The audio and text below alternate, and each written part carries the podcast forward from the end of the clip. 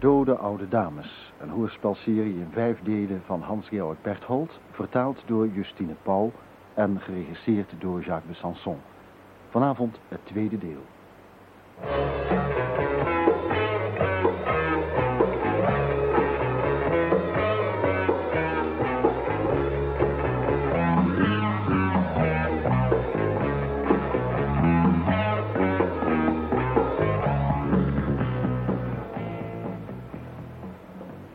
Ik was er nog niet aan gewend dat dode dames mij buiten het spreekuur deden opschrikken.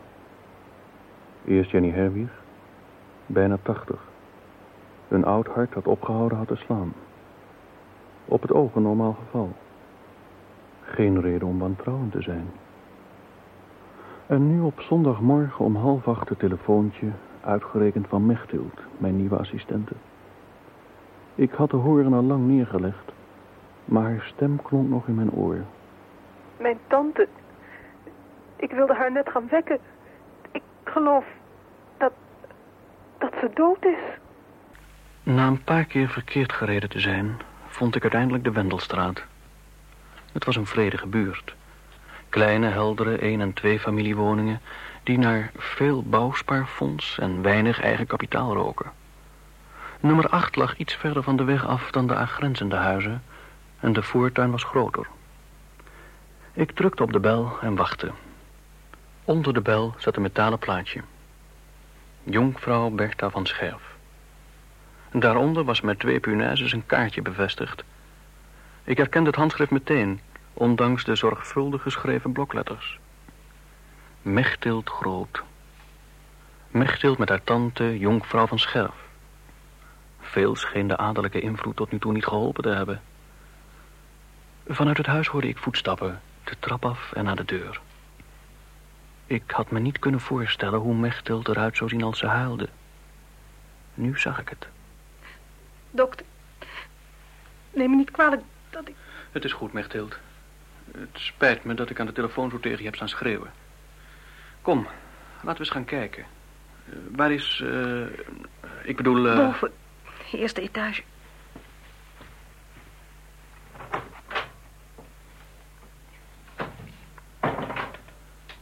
De oude dame lag verkrampt op het bed, alsof ze neergeslagen was. Haar hoofd naar rechts, naar het nachtkastje toe. Het dek was half teruggeslagen. Haar linkerhand was in de dekens geklauwd. Haar rechterarm hing langs de rand van het bed naar beneden. De oude dame had een goede gezicht gehad. Nu was het verwrongen en haar mond hing open alsof ze, voordat ze stierf, nog een schreeuw had willen uitstoten. Het grijze haar was keurig gekapt. Het scheen door een netje bij elkaar gehouden te worden. Een nette oude dame. Ik drukte de oude ogen dicht en legde de rechterarm terug op het beddek. Toen keek ik snel of ik wonden zag of iets anders opvallends. Ik vond niets. Uit de richting van de deur kwam een zacht snikken. Zo even was ik met de dode helemaal alleen geweest... en viel me te binnen dat Mechtild er ook nog was. Ik liep naar haar toe. Haar schouders schokten onder mijn handen. Ze is dood. Het is vreselijk. Zo plotseling. Gisteravond was ze nog... Je woont hier nog niet lang, hè? Drie weken. Ze heeft mijn huis genomen, omdat ik hier in de stad wilde werken. Vroeger ging ik haar vaak opzoeken. Was ze dan ziek? Uh, heeft ze iets gehad, hart of iets dergelijks? Ze had het wel een beetje aan haar hart. Ik geloof niet dat het zo erg was. Ze was alleen zo gevoelig, zo, zo schrikachtig. Een echte zenuwpees. Ze wond zich over iedere kleinigheid op. Ze was ook al zeventig. Uh, zo oud? Ja, hoewel iedereen altijd dacht dat ze jonger was. Hoe kom je aan zo'n oude tante? Het is de zuster van mijn grootmoeder. Mechtild snoot haar neus met mijn zakdoek. Haar schouders schokten niet meer. Grootmoeder heb ik nooit gekend. Tante Bertha was voor mij. Ik wil haar nog eens onderzoeken. Uh, wil je erbij blijven? Nee, ik blijf hier. Ik liet haar los en ik ging naar het bed terug. Nu, nadat de eerste opwinding voorbij was, zag ik meer dan ik eerder gezien had. De telefoon. Het was een wit apparaat, heel modern. Het lag naast het nachtkastje op de grond en het was helemaal gebarsten. Een paar witte splinters lagen her en der over de vloer verspreid. De hoorn lag iets verderop Maar die was op het tapijt gevallen en nog intact. Ik pakte hem op en hield hem tegen mijn oor. De leiding was dood. De oude dame had het toestel omvergetrokken voordat ze stierf. Misschien wilde ze in haar doodstrijd nog hulp halen. Of misschien had ze nog gesproken. Ik draaide me naar Mechthild en wees naar de telefoon. Dat heb ik ook niet gezien. Heeft ze vannacht nog getelefoneerd? Uh, heb je de telefoon horen gaan? Nee, maar dat zegt niets. Boven op zolder hoor je nauwelijks iets. Ik bukte me nog een keer om het toestel op te pakken. Ondanks de vele barsten viel het niet uit elkaar. Ik wilde het op het nachtkastje zetten. Toen zag ik iets wat ik kende. De foto. De foto die bij de dode Jenny Herwig ook op het nachtkastje gestaan had. Tussen de digitalis, de mimosa en de slaaptabletten. Ik zette de telefoon neer en pakte de foto. Opeens zag ik het dode gezicht van Jenny Herwig en de fonkelende brillenglazen van meester Kromhout vormen. Een natuurlijke doodsoorzaak. Een heel normaal geval. Is er iets? Uh, Mechthild, staat je tante ook op deze foto? Ja, de eerste van links. Uh, en de andere? Schoolvriendinnen. Ze zaten op hetzelfde gymnasium. Ze waren allemaal zo'n jaar of negentien toen hij genomen werd. Een seconde twijfelde ik of ik haar vertellen zou waar ik die foto eerder gezien had. Nee, nog tijd genoeg. Zonder erbij na te denken draaide ik de foto om. Ook aan de achterkant zat een glasplaat. Achter op de foto stonden vijf namen, keurig onder elkaar met lila-kleurige schrijfletters en telkens in een ander handschrift. Bertha Sterman, Alma Wiebach, Agnes Restorff, Jenny Restorff, Dorothea Lindeman. Achter twee namen stond een kruis, zwart en met krachtige strepen. Veel verser inkt, geen twijfel mogelijk. Er zijn er al twee dood. Maar één pas geleden. Tante Bertha was op haar begrafenis afgelopen vrijdag. Tuurlijk dat ik daar toch niet eerder aan gedacht heb. Ze heeft het zich erg aangetrokken. Na de begrafenis was ze helemaal van streek. Vrijdag. Jenny was dinsdag gestorven. Ik bekeek de foto en probeerde de namen in mijn hoofd te prenten. Bertha Sterman, dat was tante Bertha gehuwd met jonkheer van Scherf. Het eerste kruis stond bij Alma Wiebach. Het tweede bij Jenny Herwier. Bleven alleen nog Agnes Restorff, die ik onder de naam Lensum kende... en Dorothea Lindeman, die ik nog nooit ontmoet had, over. Ik zette de foto terug zonder nog een blik op te werpen. Heeft het op een of andere manier iets met tante Bertha te maken? Ik bedoel, omdat u zo... Uh, nee, nee, nee. Uh, Mechthild, had je tante een huisarts? Ja. Uh, weet je zijn adres? Dat staat vast en zeker beneden in het telefoonboek. Ik zou hem graag willen opbellen en hem inlichten. Ook in verband met de overlijdensverklaring is het beter dat hij hierheen komt. De telefoon hier is kapot. Ik zal even naar de dichtstbijzijnde cel gaan. Wil jij zo lang hier blijven of uh, wil je liever gaan? Dat hoeft niet. Beneden staat nog een toestel. Het kan omgezet worden. Beneden ging ik in een grote stoel zitten. De telefoon stond op een klein tafeltje binnen handbereik. Ook wit, zoals in de slaapkamer. Het telefoonboek lag eronder. Mechtild vond de naam van de dokter snel. Hier heb ik het. Dokter Koch. Uh, geeft u maar. Alsjeblieft. Ik draaide het nummer en overdacht wat ik zeggen zou. Ik hoorde een gebarste oude stem. Weer een oude dame. Om de zenuwen van te krijgen. Maar ze zou haar man roepen. Is hij er? Een erg oude heer zeker. Stokoud. Tante Bertha wilde geen jongeren. Heb je bij hem ook gesolliciteerd? Nee. Uit de horen klonk een stem, prettig en zacht. Vereerde collega, wat kan ik voor u doen? Ik vertelde hem in een paar woorden wat er gebeurd was. Hij leek zeer onder de indruk en zou meteen komen. Ik bedankte hem hartelijk en ik legde de horen op de haak. Mechtild keek me aan. Wilt u wat drinken? De koffie duurt te lang, maar ik kan citroensap maken met ijs. Oh, dat lijkt me heerlijk. Duurt maar een paar minuten. Toen ze de kamer uit was, kreeg ik een idee. Ik trok het telefoonboek weer tevoorschijn. Twee van de vijf dames moesten nog in leven zijn. Ik bladerde. Dorothea Lindeman stond er niet in. Een heleboel Lindemannen, maar geen Dorothea. Ze heette vast en zeker anders. Of ze had geen telefoon. Ik zocht verder, hoewel met weinig hoop. Bij Alma Wiebach zou wel hetzelfde laken en pak zijn. Hoe zou je die mensen nog terug kunnen vinden na zo'n lange tijd? Het kwam als een donderslag bij heldere hemel toen ik de naam toch vond. Alma Wiebach, muziekpedagoge, Beethovenstraat 6. Vanzelfsprekend. Geen waardiger omgeving voor een muziekpedagoge dan de Beethovenstraat. Ik liet het boek op mijn knieën liggen en ik dacht na. Dat was ze. De naam Alma komt niet zo vaak voor. De jonge meisjes van tegenwoordig kijken wel uit. Ik krabbelde het adres in mijn notitieboekje. Nu had ik er vier. Alleen Dorothea ontbrak. Dorothea Lindeman. Zij moest nog in leven zijn. Toen Mechthild met de drankjes binnenkwam, leunde ik zonder telefoonboek achterover in mijn stoel en ik bekeek de schilderijen aan de wand.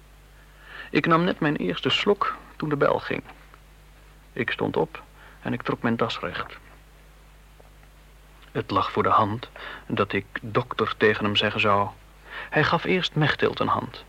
Kop op, lieve kind. Eh, Toen was het mijn beurt. Ik maakte een buiging zoals ik het op dansles geleerd had. Zei mijn naam en drukte de collegiale hand. Toen liepen we, zonder een woord te zeggen, achter elkaar de trap op. Ik keek toe hoe hij haar onderzocht. Hij was zonder twijfel haar arts geweest. Ze waren uit dezelfde tijd afkomstig. Ze hadden elkaar begrepen en elkaar verteld over de bloemen die ze kweekte en waaronder ze nu begraven zou worden. Hij richtte zich op en veegde zachtjes met twee vingers langs zijn neus.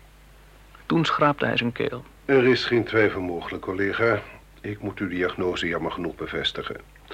U zult het mij niet euvel duiden als ik zeg dat ik dat liever niet gedaan had. Collega.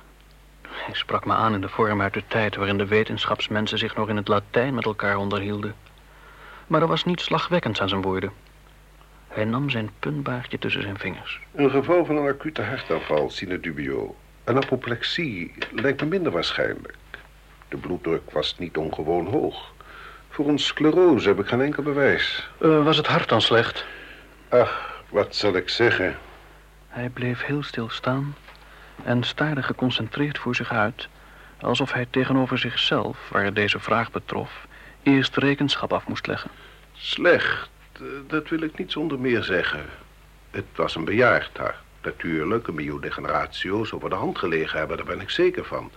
Maar een vitium gravis, zoals u denkt... Nee, dat moet ik beslist van de hand wijzen. En ik mag zeggen, zelfs voor deze leeftijd, een verrassend actief. Heeft u geen digitalis voorgeschreven? Nee, collega, dat zei ik u reeds. Daar bestond geen reden voor. Neemt u me niet kwalijk. Ik, eh, ik vroeg het alleen omdat... eh, nou ja, verleden week heb ik eenzelfde geval bij de hand gehad. Misschien heeft u de vrouw in kwestie wel gekend. Het was een schoolvriendin van mevrouw van Scherp. Dezelfde acute hartaanval. Zij nam wel digitalis. Ik had haar van mijn voorganger overgenomen. En juffrouw Ach, Groot... die- ja, nou herinner ik het me. Ik geloof dat ik een paar van de dames hier in huis wel eens ontmoet heb. Ja, ja, erg betreurenswaardig, collega. Maar wij oude mensen worden nu eenmaal niet jonger. Wij jonge mensen ook niet. Zo is het leven. Eh, mevrouw Herwig. Mevrouw Jenny Herwig. Nee, nee, die naam zegt me niets. Heeft u nog een van de andere dames onder behandeling?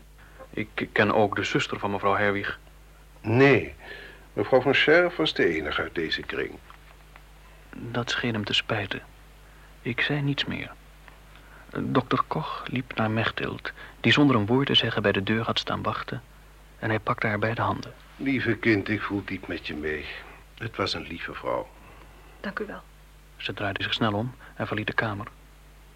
Toen Koch zijn blik weer naar mij wendde, toen wees ik op de telefoon die ik weer op zijn plaats gezet had. Ja, ja, dat heb ik al gezien. Het apparaat lag op de grond, helemaal beschadigd. Het ziet er naar uit alsof ze geprobeerd heeft op te bellen. Misschien wel naar u, dokter Koch, toen ze bemerkte dat het het einde was. Dat zou best mogelijk kunnen zijn. Absoluut mogelijk. Ze placht me te consulteren wanneer ze me maar nodig had. Te laat deze keer, te laat. Ik zal de verklaring beneden invullen. En daarna zal ik me nog een beetje met het arme kind bezighouden. Mechtil zat in de woonkamer. Als ze weer gehuild had, dan was daar niets meer van te zien. Dokter Koch ging bij haar zitten, trok de formulieren uit zijn tas en begon te schrijven. Ik keek heimelijk over zijn schouder. Alles was duidelijk. Precies hetzelfde wat ik ook geschreven had. Hartstilstand bij een verouderd hart. Verdenkingen omtrent een natuurlijke dood? Nee, volkomen normaal geval. Hij ondertekende en stond op. Er moet nog veel besproken worden, Mechtelt. Sta me toe dat ik je bij deze treurige aangelegenheid de helpende hand bied. In dergelijke situaties is de jeugd, God zijn geloof, nog onervaren. Uh, Mechtelt, dokter Koch die blijft nog hier. Voor mij is er niets meer te doen. Bel me op als er iets is. En uh, als je de komende dagen vrij wilt nemen... ik kan juffrouw Hofman vragen of ze in wil vallen. Nee, kom. Alleen als de begrafenis is. Zo graag als ik haar getroost had... zo blij was ik dat ik nu weg kon. Op de terugweg waren mijn gedachten bij de foto... die ik nu al twee keer gezien had. En bij de kruisen achter de drie namen. Jenny Herwig, acute hartaanval. Bertha van Scherf, acute hartaanval. Alma Wiebach. Wat zou het bij haar geweest zijn? Muziekpedagogen. Lessen in zang, piano en muziektheorie. Eerste etage. Lessen volgens afspraak. Ik liep langzaam de trap op en overdacht wat ik zeggen zou. Eigenlijk was het waanzin mijn neus in zaken te steken die me niets aangingen. Toch drukte ik moedig op de bel. Binnen in de woning sloeg een deur. Een tweede deur en toen naderden snelle, trippelende voetstappen. De voordeur werd opengedaan.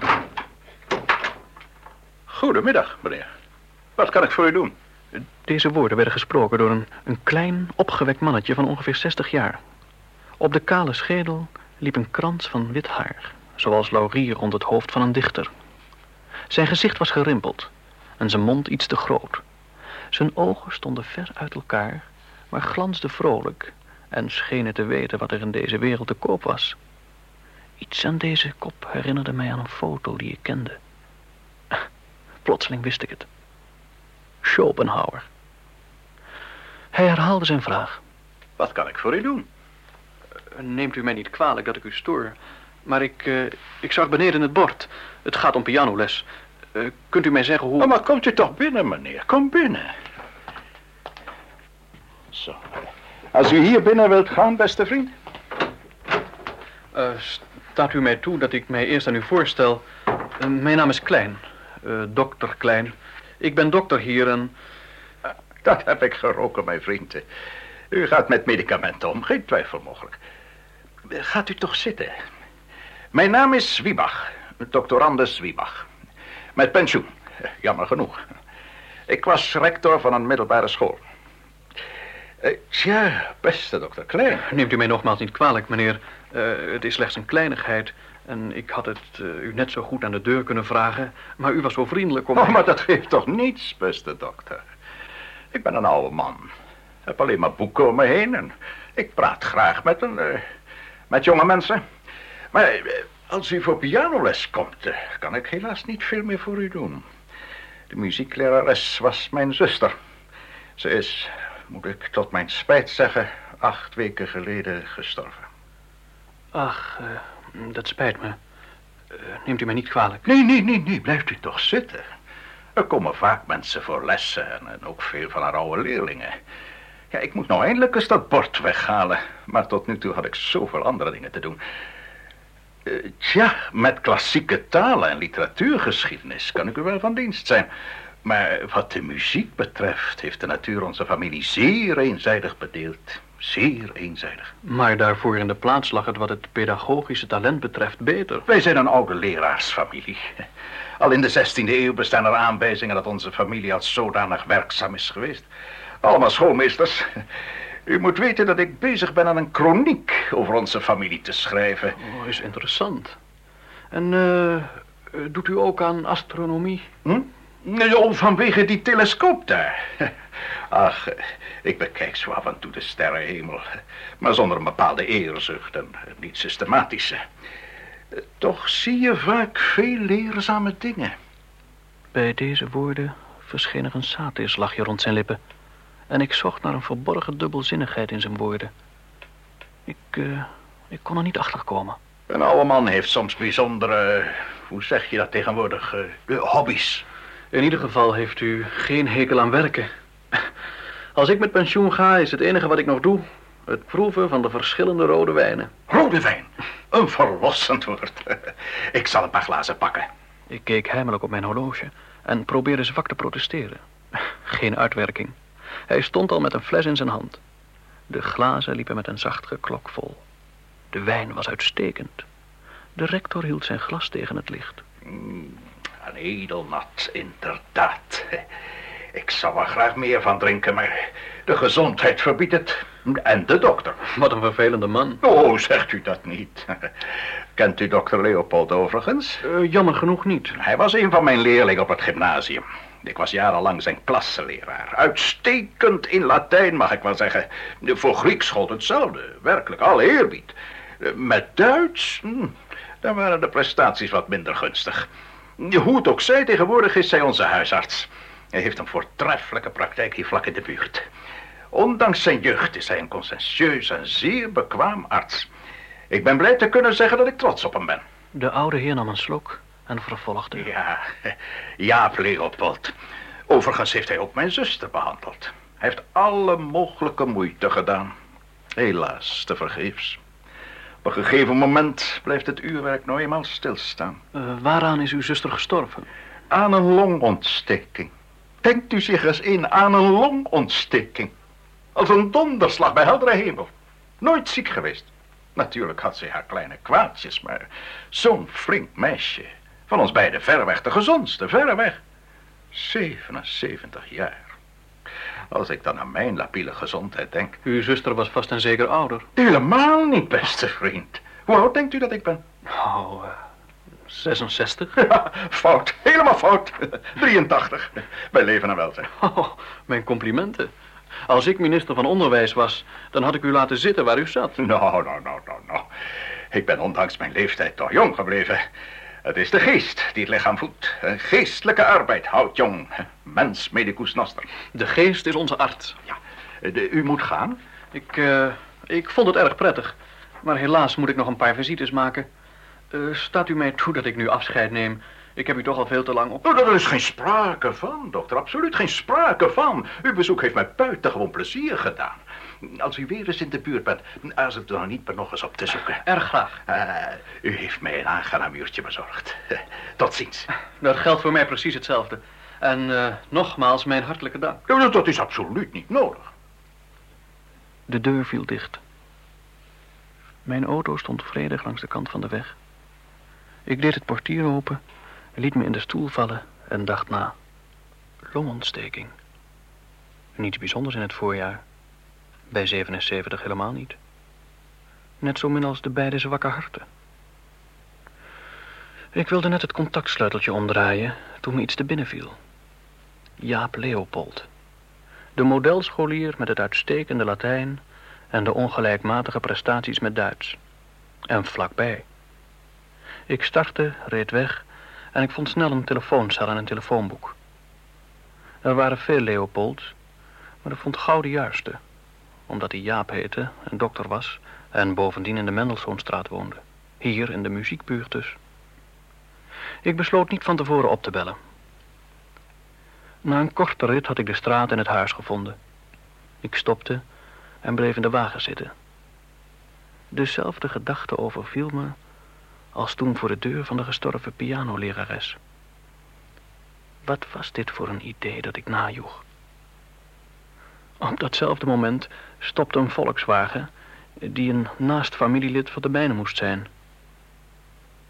Op zijn voorruit had ik een klein wit plaatje met een rood esculaap gezien. Het teken van ons wereldwijd verbreide gilde. Het likkerportier ging open. Er stapte een gezond uitziende jonge man uit... van zo ongeveer 28 jaar. Hij had kort geknipt vlasblond haar... droeg een hoornen bril en hield onder zijn linkerarm een leren aktetas die evenveel op de mijne leek als mijn auto op zijn voorbuurman. Zijn pak was lichtelijk gekreukt en het slingerde losjes om zijn figuur. Geen twijfel mogelijk. Dat moest Jaap, de goede Latinist zijn. We deden tegelijkertijd onze portieren op slot, hoewel dat niet nodig geweest was. Ik lachte en hij lachte terug. 53 hè? Juli. De mijne augustus. Loopt u nog een beetje? Nou, hij doet zijn best. Verbruikt alleen veel olie. Ja. Ik tref een lotgenoot, zie ik. Collega. Ach, eh, ben je ook... eh, Eh, Klein is de naam. Willem Klein. Hm.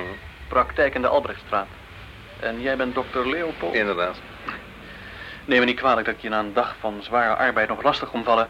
Maar als het je schikt, zou ik graag even met je praten. Ach, natuurlijk, kom binnen. Bij jou hoef ik tenminste niet bang te zijn dat je me met allerlei kwalen komt lastigvallen. Wij liepen samen naar binnen. Ga maar vast zitten, ik pak even een boel uit en maak een paar aantekeningen.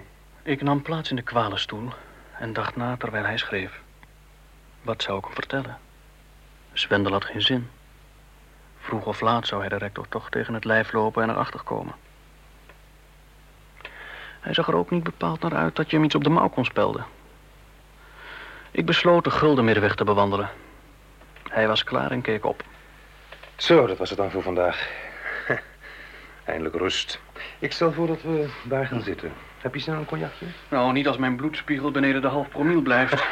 Houden we goed in de gaten. Zo. Ja, vooruit, collega. Wat heb je op het hart? Tja, eh, je zult er wel vreemd van opkijken wat ik je vragen wil. Maar ik zal je naderhand uitleggen wat er aan de hand is. Mhm. Ik eh, had een patiënte.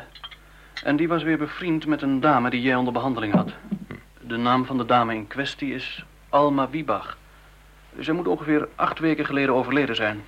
Dat klopt, ja. Inderdaad. Zo, dat klopt dus. Ja. Wat ik nu wil weten, dat is het volgende.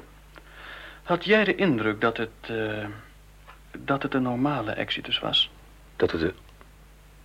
Ja, maar dat doe ik eigenaardig. Eigenaardig. Ja, je bent al de derde die daarna vraagt. Ja, maar dat is toch werkelijk eigenaardig? Zoiets heb ik nog nooit meegemaakt. De derde? Ja, dat zeg ik toch. Het eerste was een zekere eh, Kromveld of iets dergelijks, zoals een advocaat. Hij wilde hetzelfde weten. Een erfenisaangelegenheid, zei hij. Wanneer was hij hier? Nou, vlak na haar dood, een paar dagen daarna. En de tweede? De tweede was haar broer. De oude leraar van mij, al lang gepensioneerd. Hij lijkt op Schopenhauer. Ken je hem dan? Maar jij zat toch niet bij op school, of wel soms? Nee, dat, eh, dat zat ik niet. Maar toch ken ik hem. En ik zal je zo vertellen hoe dat komt. Eh, vertel me alleen nog, eh, wanneer kwam hij hier? Hm, nog niet zo lang geleden. Daarom ben ik ook zo verbaasd dat jij er nou weer naar vraagt. Eh, zaterdag, geloof ik. Afgelopen zaterdag. Afgelopen zaterdag. Ik nam langzaam een slok en ik pijnigde mijn hersens. Waarom was die rector pas zaterdag gekomen? Waarom niet direct na zijn zusters dood, zoals Kromhout? Leopold sloeg het edele nat in één teug achterover... en zette het glas met een klap op het tafelblad en zei... Vertel me nou eindelijk eens wat hier voor een spelletje wordt gespeeld. Ik realiseerde me dat ik hem voor zijn openheid veel verschuldigd was. Dus vertelde ik hem wat me bij Jenny Herwig overkomen was. Mechtils tante liet ik er buiten, evenals de foto op het nachtkastje. Het leed geen twijfel dat bij Alma Wiebach dezelfde foto gestaan had. Ook wanneer Leopold zich daarvan niets meer zou herinneren. Kijk eens, in de grond van de zaak was het een heel normale geschiedenis. Alleen die advocaat. Hé, maar wat, wat, wat wil die toch? Nou, van de zuster van mevrouw Herwig hoorde ik toevallig dat een van haar kennissen acht weken geleden plotseling gestorven was. Dat was mevrouw Wiebach. Ja. En vandaag rijd ik hier door de buurt en zie toevallig het naambord in de Beethovenstraat. Daar ook ik de hele tijd geplaagd werd door de gedachte wat die meester Kromhout nou wilde, ging ik erop af en stootte op onze Schopenhauer, rector. Hij noemde jouw naam. Ik weet niet waarom, maar hij deed het. Ach, het is een aandoenlijke ziel. Het is helemaal niks bijzonders dat hij een praatje met je aanknoopt. De hele school komt nog bij hem over de vloer. Deftige heren die al bretels dragen. En eh, mama tegen hun echtgenoten zeggen. Maar hij is nog wel allemaal de baas. Met Latijn, met Duits en met zijn gezondheid. Zo kwam hij op mij ook over. Maar waarom, waarom heeft hij je dit gevraagd? En, en waar komt het verdomde idee vandaan dat er met die oude tantes ergens niet in de haak zou zijn? Tja, ik begin ook nieuwsgierig te worden. Laten we haar kaart eens bekijken. Hij haalde de kaart tevoorschijn. Daar stond het. Alma Wiebach, geboren 28 januari 1898. Waarschijnlijk de oudste van mijn dames. Adres Beethovenstraat 6. Ze was de laatste jaren geregeld voor een routineonderzoek bij Leopold geweest. Niets bijzonders, niets te vinden. Hij had zo nu en dan een visite gemaakt, naar haar gezondheidstoestand geïnformeerd en met de rector een glas rode wijn gedronken. Ik kon me precies voorstellen hoe dat gegaan was. En toen kwam het gedonder. Begin maart. Griep, bronchitis, eerst pillen, daarna antibiotica, toen ondersteuning van de bloedsomloop. Het ziekenhuis werd van de hand gewezen. Steeds meer visites. Op het laatst spoedvisites, zowel overdag als nachts. En toen op 18 maart het kruisje. Netjes getekend met de notitie Exitus letalis. Overlijdensakte opgesteld. Sectie niet noodzakelijk. We hieven tegelijkertijd ons hoofd op en keken elkaar aan. Ja, zo was het. Zo word je aan je successen herinnerd. Maar ook in het ziekenhuis zou er niets meer van geworden zijn. Was afgelopen. Ja, ze was steeds gezond geweest en uh, toen was het afgelopen. Wat staan er voor onduidelijks aan? Uh, niets. Maar hoe komt die oude man er nu ineens toe daaraan te gaan twijfelen? En, en waarom rent die kromhout overal rond en, en snuffelt naar een eventuele onnatuurlijke doodsoorzaak? die is verknipt. Zeg, heb je hier veel griepgevallen gehad dit voorjaar? Niet meer dan normaal. Sommigen hebben nu eenmaal pech. Deze keer was het Alma. En dat heb ik ook tegen de oude baas gezegd. Nou, kom collega, laten we nog eentje nemen voordat hij zuur wordt. Oké. Okay. En uh, laten we de doden met rust laten. Ja, mijn idee. Ik hoop dat ook wij zo'n gezegende ouderdom mogen bereiken als onze oude dame. Al het andere speelt geen rol.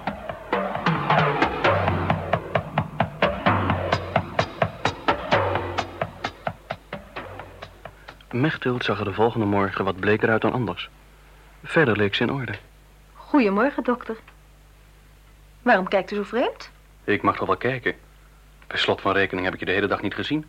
Ik moet weer even aan je gezicht wennen. Is je moeder nog gekomen? Gelukkig wel, ja. Ze blijft een paar dagen. Oh, fijn. Nou, ik, uh, ik loop je niet verder voor je voeten.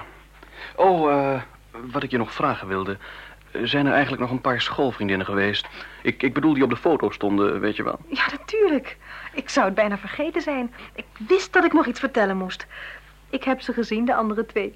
Moeder heeft ze me voorgesteld. Werkelijk? Mm -hmm. De ene kent u zelfs, mevrouw Lensum. U bent toch bij haar zuster geweest, mevrouw Herwig? Ze stond ook op de foto.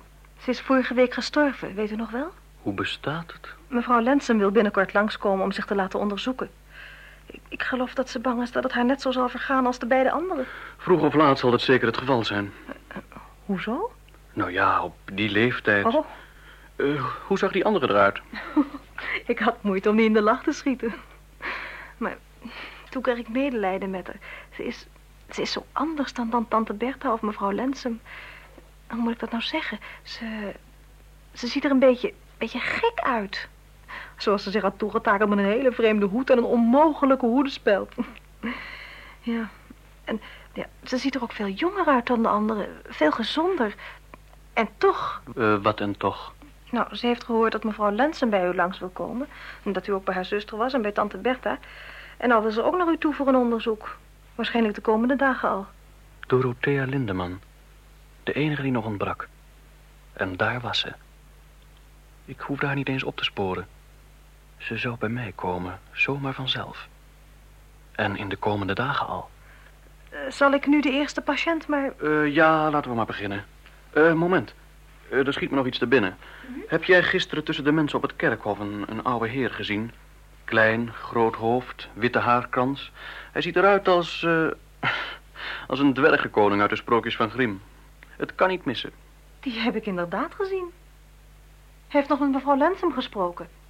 Hij was klein en had een vreselijke grote hoed op. Het was hem beslist. Hoe kent u die nou weer?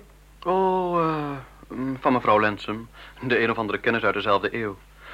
Zo, en uh, laat nu de eerste patiënt maar binnenkomen. Tot uw orders. De patiënt kwam, maar mijn gedachten waren dertig uur terug. De oude man. S'morgens was hij op de begrafenis geweest. En smiddag stond ik voor zijn neus. Informeerde naar wat pianolessen en ik vroeg naar zijn zuster. Zonder twijfel had hij geweten wie ik was. Hij kende de schoolvriendinnen en hij was ook op Jenny's begrafenis geweest. En Agnes Lensum had hem over me verteld. Dat had ze zeker. En het was net zo zeker dat hij gisterenmorgen gehoord had... dat ik ook bij tante Bertha geweest was. Aan mijn lengte hebben ze me altijd herkend. Vandaar zijn gastvrijheid en zijn saatirslachje de hele tijd. Welke rol had hij bij dit alles? Zat hij op hetzelfde spoor als ik? Of op een ander? De patiënt verdween, andere mensen kwamen en gingen. Ik praatte en schreef als een automaat. Mijn gedachten draaiden steeds in een kringetje rond. Er moest een manier zijn om verder te komen. Kromhout, de ijverige advocaat. Hij had mij met zijn vraag overvallen en waarom zou ik bij hem niet hetzelfde doen? Hij moest een reden hebben voor zijn gesnuffel. Een vervelend karwei, maar ik moest even doorbijten. Zijn praktijk was in zo'n nieuw glaspaleis midden in het centrum. Aan weerskanten van het portaal torenden de glanzen metalen platen hoog op. Import, export, uitgeverijen, filmindustrie, verenigde staalbedrijven en toen kromhout. Hij had zijn kantoor op de vijfde verdieping. Spreekuur na afspraak. Terwijl de lift me geruisloos naar boven bracht, berekende ik mijn kansen kromhout aan te treffen. Boven wees een pijl me welke kant ik op moest. Ik slenterde de gang door tot ik bij een solide deur kwam met daarop Kromhouts naam en beroep. Ik hoorde geen bel overgaan, maar na korte tijd zoemde het slot en sprong de deur open. Ik stapte over de drempel en keek in de donkerbruine ogen van een kafferkaal. Ze keek me aan alsof ze de hele dag alleen op mij gewacht had en van verlangen bijna bezweken was. Voor haar stonden twee telefoons. Tussen haar zilveren nagels hield ze met een nonchalante bevalligheid een ballpoint, ook van zilver. Goedemiddag. Kan ik u helpen? Uh, mijn naam is Klein. Ik zou meneer Kromhout graag even willen spreken als dat mogelijk is. Hebt u een afspraak? Uh, nee. Ik ben arts en ik zou meneer Kromhout graag een paar dingen willen vragen. Ik weet niet of hij daar nog tijd voor heeft. Er zitten nog twee cliënten te wachten en daarna... Uh, moet hij naar de rechtszaal? Inderdaad. Als u even opgebeld had. Dan had hij nu ook naar de rechtszaal gemoeten. Ik, ik kon niet eerder komen. Uh, meneer Kromhout die heeft mij kort geleden een bezoek gebracht... ook zonder zich eerst aan te dienen. En ik heb hem toen ook te woord gestaan. Ik kan het proberen, dokter. Maar ik kan u niets beloven. Nou, zegt u hem alsjeblieft dat het om mevrouw Herwig gaat. Wilt u alstublieft in de wachtkamer plaatsnemen? U wordt opgeroepen. Ik dank haar hoffelijk en verwijderde me uit de ban van haar stralende ogen. De wachtkamer maakte een beduidend verzorgdere indruk dan de mijne. Er zaten twee cliënten voor zich uit te staren, alsof ze bij de tandarts waren. Ik groette en ging in het dichtstbijzijnde stoel zitten. Ze mompelde slechts zacht. Geen opwindend gezelschap. Dus begon ik in de kranten en brochures te bladeren die op de tafel lagen. Ik las lusteloos alles door elkaar. Zag monarchen in functie met hun vrouwen en afgezetten met hun vriendinnen. Sportidolen, popsterretjes en overstromingen. Er lag ook een provinciaals krantje. Het platteland had ook heel wat te bieden. In de bijlage stond een roman, als de klokken luiden. En helemaal achteraan stond een kort verhaal. Mr. Crane gaat aan land. Ik begon te lezen. Het verhaal boeide me zo dat ik mijn hele omgeving vergat. Het was een kort verhaal, zoals elke dag in miljoenen andere kranten. Maar door het lezen van dit verhaaltje rees er plotseling bij mij het vermoeden dat Mechtil Stante niet gewoon gestorven was, maar vermoord.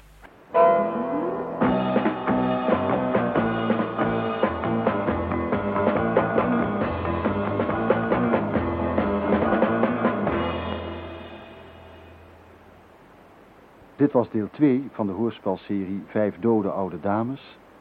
Geschreven door Hans-Georg Berthold, vertaald door Justine Pauw en geregisseerd door Jacques Sanson.